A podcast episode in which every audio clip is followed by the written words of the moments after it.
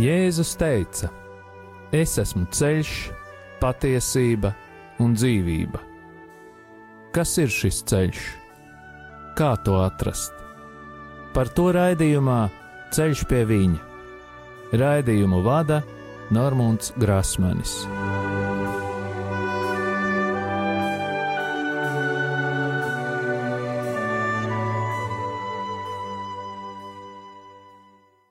Lai ir slavēts Jēzus Kristus.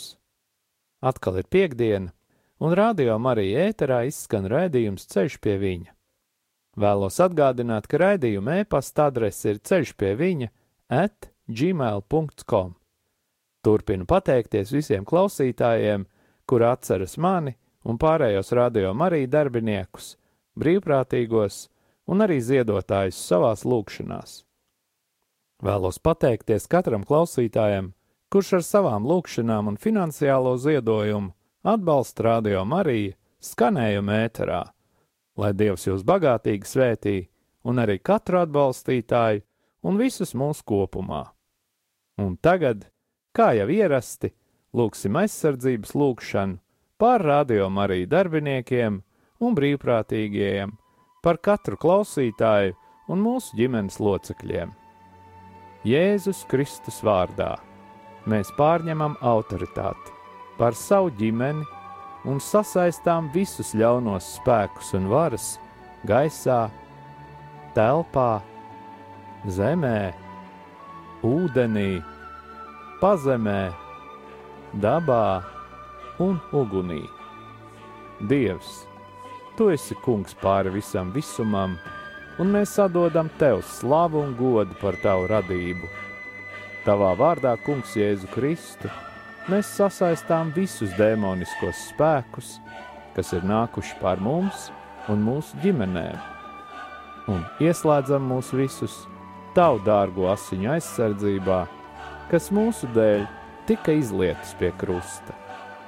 Marija, mūsu māte, mēs lūdzam tavu aizsardzību un aizbildniecību pār mums un mūsu ģimenēm ar svēto Jēzus sirdi. Ietin mūs savas mīlestības apmetnī un sakauj mūsu ienaidnieku. Svētais arcēnģeli Mihēlu un visi mūsu sargaņģeļi.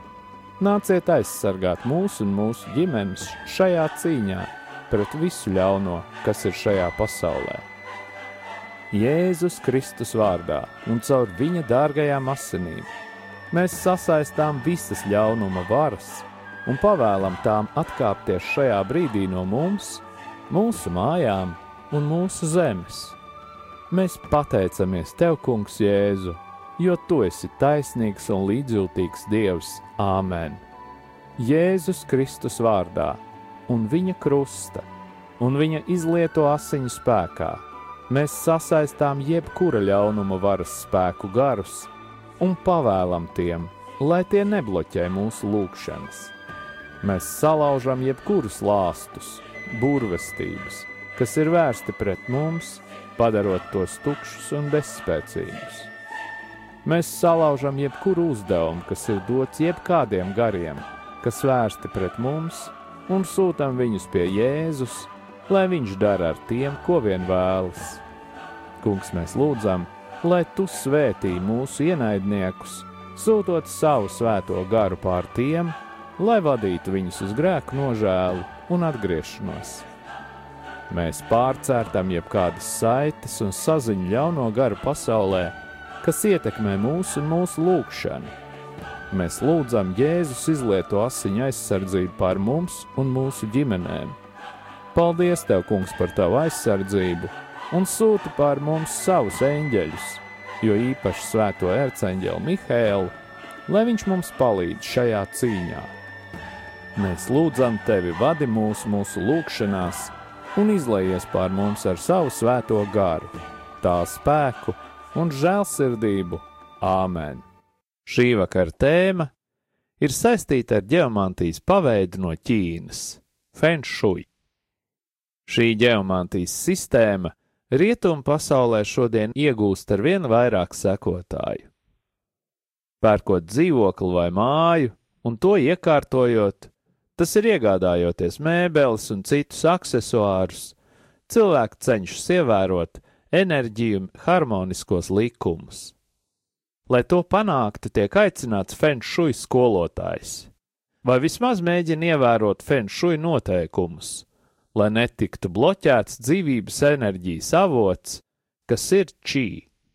Hongkongas mājas, kurās atrodas bankas, ir kā liecība šīs sistēmas nepieciešamībai un uzsver tās spēcīgos nopelnus, ja darījumos tiek gūti panākumi.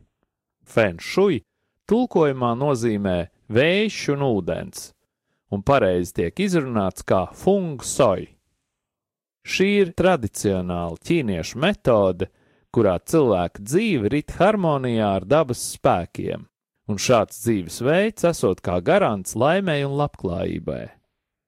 Cilvēks tiek uztverts kā mikrokosmos, kas ir makrokosmosa paveids, kā visuma attēls.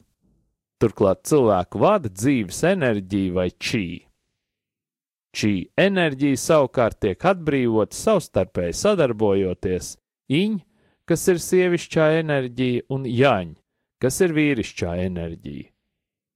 Kā šīs sadarbības simbols tiek uzskatīts aplis, kas ir sadalīts divās zivju formas daļās, kas vienu otru papildina, un kur jāņa iekrāsots baltā krāsā, bet viņa melnā krāsā. Katrā no daļām ir pretējās krāsas punkts, kas nozīmē, ka katrā vīrišķajā būtnē ir apslēpts kaut kas no sievišķā, un otrādāk. Katrā mājā kurā dzīvo cilvēks, šai čī enerģijai ir jābūt pietiekošā daudzumā. Šīs enerģijas plūsma nedrīkst būt pārāk ātra un nedrīkst būt pārāk lēna. Nekādā gadījumā nedrīkst bloķēt šo enerģiju un labo enerģiju pārvērst sliktajā, piemēram, nesakārtota mājokļa dēļ. Dažādām ārējām materiālām lietām tiek pievērsta nopietna uzmanība, piemēram, asas bultveidīgas ēku kantes, tiek uzskatīts par nevēlamām un nelabvēlīgām. Koks, kas aug pārāk tuvu ieejas durvīm, arī bloķē šī enerģiju. Ēkai nevajadzētu atrasties starp divām augstākām konstrukcijām, jo spiediens no sāniem negatīvi ietekmēs šīs mājas iedzīvotājus. Visticamākais, ka šī regulārā nodarbošanās ar feng shui ir radusies Ķīnā, kas ir saistīts ar tradicionālās senču godināšanas kultu. Šī tradīcija ir novedusi pie tā, ka pārspīlēti lielas cieņas parādīšanai un īstās kapa vietas izvēlēji priekš saviem senčiem pozitīvi iespaido pēcnācēju labklājību, laimes iemantošanas iespējas. Fenšui ir zīlniecības sistēma, kas nosaka dzīvības enerģijas riņķojumu un izlabo kļūdainu enerģijas plūdumu. Šī praksa ir pretēji vāstu šatra, kas ir indiešu tradīcija, kur šī enerģijas plūsmas korekcijas tiek veiktas tikai caur iekšējām struktūrālām izmaiņām. Savukārt Fenšui piedāvā visdažādākās šī enerģijas uzlabošanas metodes. Šī avota pilnveidošanā tiek izmantot akvārija, strūklakas, dažādi krāsu toņi, spoguļi, mandarīnu pīles, kāškrusti, bruņu rupuči, pagodas, dažāda veida apgaismojumi, laimi nesoši bambusa koki, trīskāji krupji un vēl daudz citu simboli. Viena no pazīstamākajām metodēm ir pakoā jeb bagoā ar I-Ching astoņstūra zīmi, par ko runājām iepriekšējā raidījumā. I-Ching ir zilniecības paņēmiens, kas senatnē noteica likteni pēc mestajiem kauliem, ko vēlāk aizvietoja ar kociņiem un pēc tam ar svītrām. Bieži šie svītru simboli tika salikti apkārt spogulim, kas pēc tam privātā mājā vai dzīvoklī tika pakārti, lai uzsūktu slikto enerģiju, bet labo stiprinātu. Jāatzīmē, ka būvējot māju vai pērkot dzīvokli, esot jāņem vērā četri dzīvnieki un to novietojums, un tie ir zaļais pūķis, baltais tīģeris, rozā putns un melnais bruņurupucis un viņu atrašanās pozīcija. Dzīvnieku mitoloģija ir viens no redzamākajiem punktiem, kas atrodams arī šamanismā. Šie dzīvnieki reprezentē četras debesu puses un to krāsas, dzīvē būtiskos elementus - ūdeni, uguni, koku un zeltu. Mītnei vajadzētu būt šo četru elementu centrā, ņemot vērā četras debesu puses, kurām katrai noteikts kāds konkrēts dzīvnieks. Pati izvēlētā dzīves vieta pārstāv Zemi. Senie ķīnieši bija izgudrojuši specifisku kompasu, kas nav līdzīgs nevienam rietumu kompasam. Ar tā palīdzību iespējams atrast labāko pozīciju mājas būvniecībai un noskaidrot, kādēļ kādas mājas iedzīvotāji piedzīvo nelaimi. Šo situāciju ar šo kompasu varēja regulēt, un līdz ar to sasniegt pozitīvu personas vai grupas likteņu pavērsienus. Fenšui ir viena no vislabāk dokumentētajām divinācijas sistēmām. Ievērojot vecos ķīniešu rakstus, mūsdienās ir pietiekami daudz moderno grāmatu, kur rodam ieteikumi, kā labāk iekārtot māju, dārzu, darba vietu lai neizgaistu laime un veiktos darījumi. Varētu pat teikt, ka Fenšuja skolotāji ar saviem padomiem ieņem dievišķo autoritāti. Un saprotot visu, ko šajos divos raidījumos esat dzirdējuši, skaidrs ir tas, ka geomantija ir zilniecības forma, un tā kristiešiem nav ieteicama. Skaidrs, ka mēs nevaram izvairīties no tā, lai nekādā veidā nenonāktu saskarsmē ar maldu mācībām, taču mums ir labs veids, kā aizsargāt sevi no tā visa. Neliela lūkšana un krustiņu uzvilkšana uz pieres, lai tas nebūtu uzkrītoši un neradītu sajūtu citiem, ka esam bailīgi, un tas ir vajadzīgs, lai mēs būtu aizsargāti. Un jau nākošajā raidījumā runāsim par spiritismu.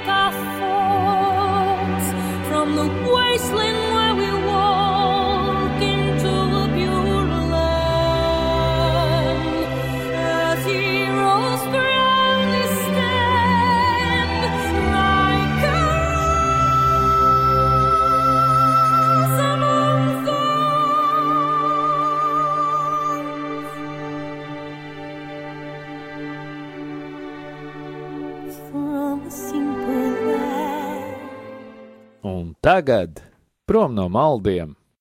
Pagājušajā raidījumā iesākām trešo nodaļu no Telmislava Ivančiča grāmatas Tikšanās ar dzīvo Dievu. Kas ir Jēzus Kristus, mūsu pestītājs? Kāds cilvēks gribēja aizbēgt no savas ēnas. Kā traucēklis saulainās dienās viņam vienmēr sekoja ēna, tā atgādinot, par viņa dzīves negācijām. Kādā karstā vasaras dienā viņš sāk skriet, bet ēna sekoja, lai gan cilvēks tik ļoti pūlējās no tās atbrīvoties. Viņš sakopoja visus savus spēkus un skrēja vēl ātrāk, cerēdams, ka ēna atpaliks un pazudīs. Pie kāda liela koka cilvēks visbeidzot sabruka, pilnībā spēku izsīkumā. Divi ceļnieki gāja tur garām un atrada viņu mirušu.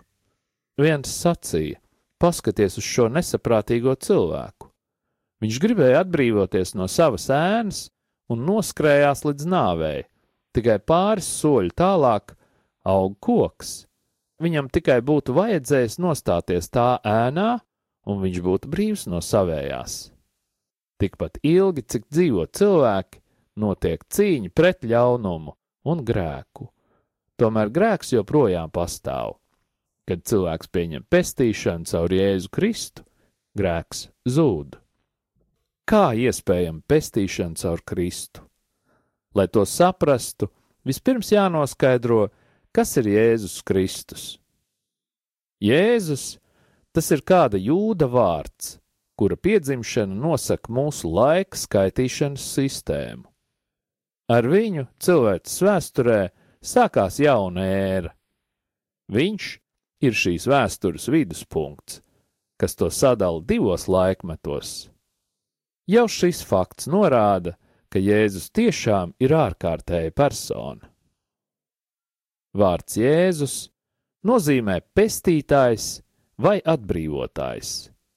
Vārds Kristus - svaidītais. No pestītāja jūda gaidīja savas tautas un visas pasaules atbrīvošanu no verdzības, netaisnības un vainas.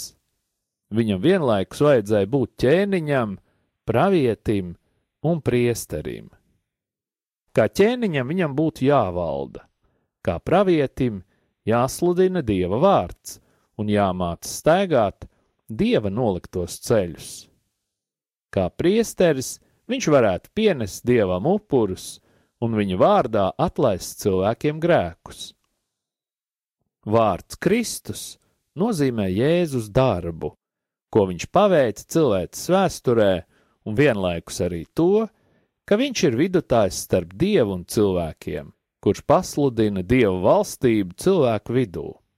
Kristus nozīmē, ka Jēzus vienlaiku ir dieva sūtītais, jeb aģents, un Dieva dēls.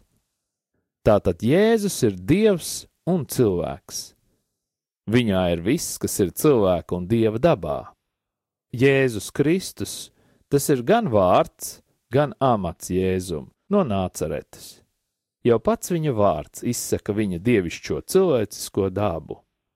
Jēzus norāda uz vēsturisku personību, Kristus uz šā cilvēka pārvēsturisko būtību. Jēzus ir vēsturiski tverams. Par viņu liecina ne tik vien baznīca un evaņģēlīja, bet arī jūdu, grieķu un romiešu rakstnieki un vēsturnieki. Piemēram, romiešu vēsturnieks Tacits darbā Annālis, kas pabeigts aptuveni 50 gadu pēc Jēzus, par kristiešiem rakstīja šādi: Viņu vārds cēlies no Kristus, kurš Tibērijas laikā sodīts ar nāvi pēc prokurātora Poncija Pilāta pavēles. Otrs romiešu vēsturnieks Svetonijs apliecina Jēzus eksistenci, aprakstīdams, kā ķēzars Klaudijs padzinis jūdus no Romas, jo tie izraisījuši nemierus dumpinieka Kristus dēļ. Bitīnijas pārvaldnieks Plīnijs jaunākais rakstījis, ka saskaņā ar kristiešu izteikumiem Viņu vaina ir tikai tā, ka viņi noteiktās dienās sanāk kopā un pirms saulēkta dzied himnas Kristum kā savam dievam. Visas minētās personas ir gandrīz laika biedri Kristum un viņa apstuļiem. Tajā pašā laikā ir tapusi arī jūdu vēsturnieka Jozefa Flāvija jūdu vēsture. Viņš ir rakstījis, ka Pilāta laikā dzīvoja arī Jēzus, kāds gudrs cilvēks, cik tālu viņu par cilvēku var saukt, jo viņš kā tautas vadonis paveica brīnumdarbus, kas tika uzņemti ar īstu prieku. Viņš bija Kristus. Talmuds, pirmā gadsimta ievērojamākā grāmata par Jēzu, starp citu saka tā: Paskā svētku priekšvakarā tika piesists krustā Jēzus no Nāceretes. Līdzās nekristiešu dokumentiem pastāv arī baznīcas dokumenti. Baznīca dzīvo ar apziņu, ka to dibinājis Jēzus Kristus. Ja viņš nebūtu vēsturiska personība, baznīca būtu celt uz meliem. Evanģēlija ir katahētiski, vēsturiski ziņu avoti par Jēzus no nāceretes personu, vārdiem un darbiem. Pēdējos 150 gadu laikā evaņģēlī ir tikuši studēti visos iespējamos aspektos, un turklāt ir pilnībā pierādīts evaņģēlīja autentiskums un satura sākotnība. Visā Palestīnā ir notikuši arheoloģiski pētījumi, kas apstiprina evaņģēlijos raksturoto vidi. Tātad kristietis var balstīties arī uz vēsturnieku zinātnisko pētījumu rezultātiem. Nākošajā raidījumā turpināsim iedziļināties Jēzus Kristus personībā.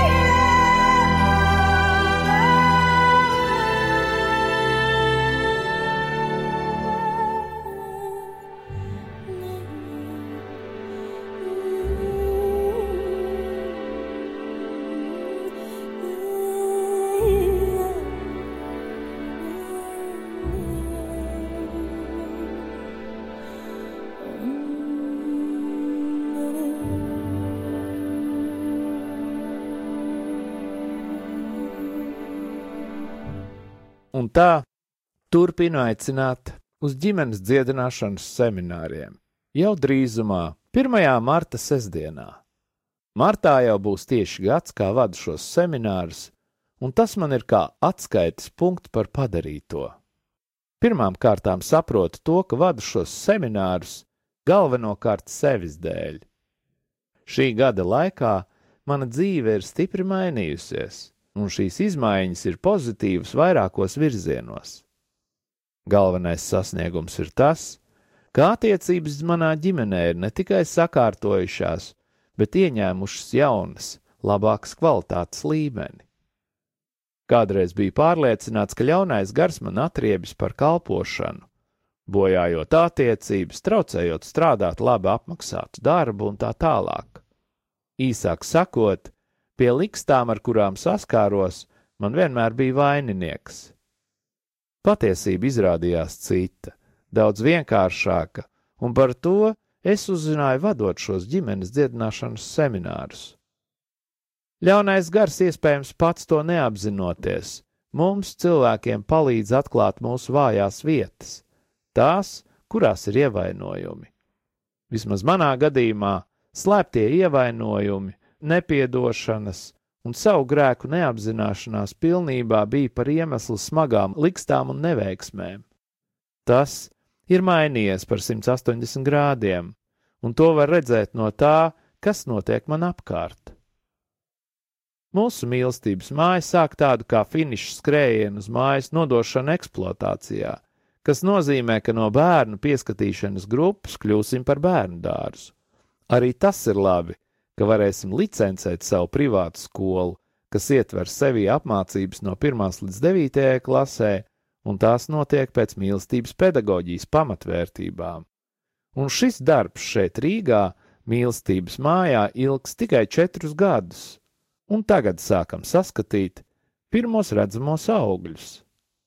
Es negribu pateikt, ka man vairāk nav problēmu. Ir, un dažreiz liekas, ka stipri par daudz, taču esmu izpratis ciešanu patieso jēgu.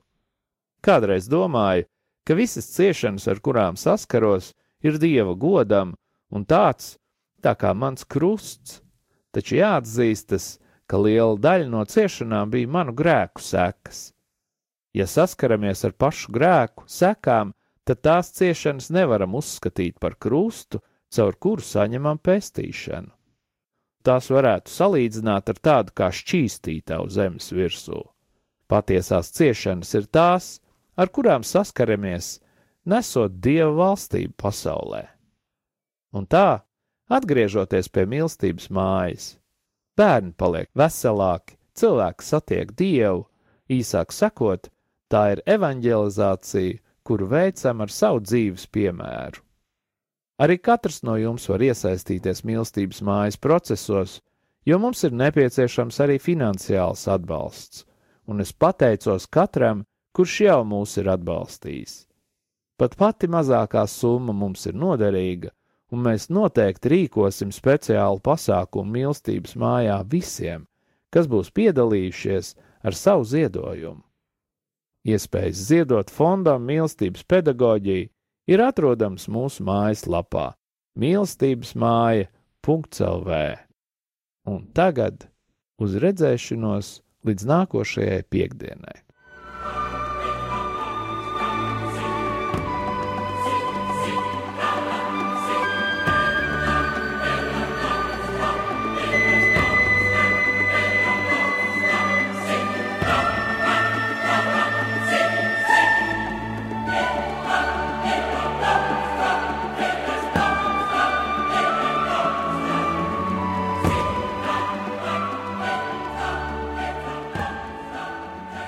Un tagad mēs iestājamies lūgšanā pret sātanu sistēmu un tās darbībām mūsu ģimenēs.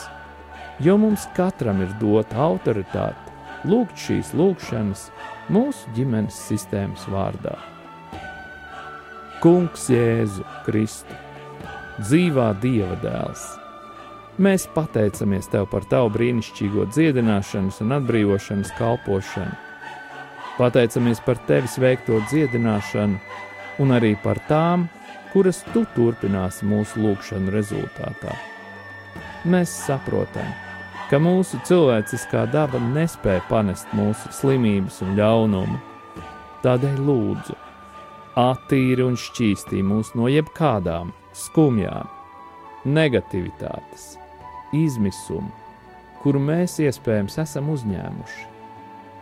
Ja mums ir bijis kārdinājums padoties dusmām, neiecietībai vai iekārai, attīri mūs no šiem kārdinājumiem un aizstāj tos ar mīlestību, prieku un mieru.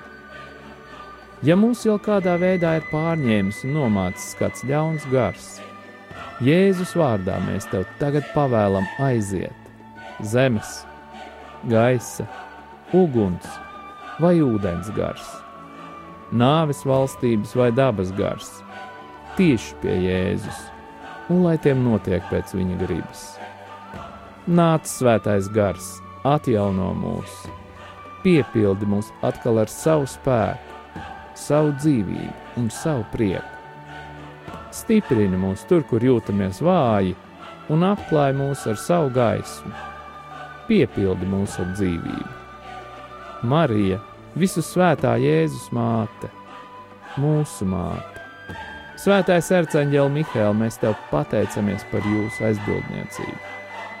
Kungs Jēzu lūdzu sūti savus svētos eņģeļus kalpot mums un mūsu ģimenēm, apsargāt un aizstāvēt mūs no visām slimībām, ievainojumiem un nelaimes gadījumiem. Lai mūsu ceļojumi ir droši, mēs tevi slavējam! Tagad un vienmēr, Tēvs, Dēls un Svētais Gars. To visu mēs lūdzam Jēzus svētajā vārdā, lai tas tiek godināts Āmen. Un tagad saņemiet pāvesta Franciska svētību.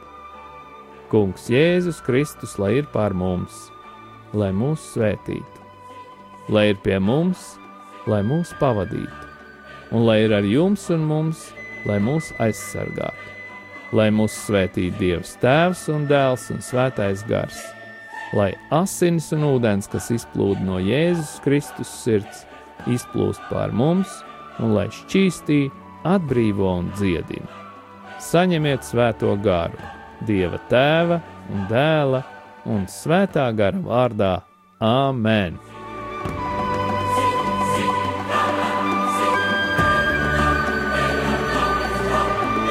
Jūs klausījāties raidījumu Ceļš pie viņa uz tikšanos piekdienu!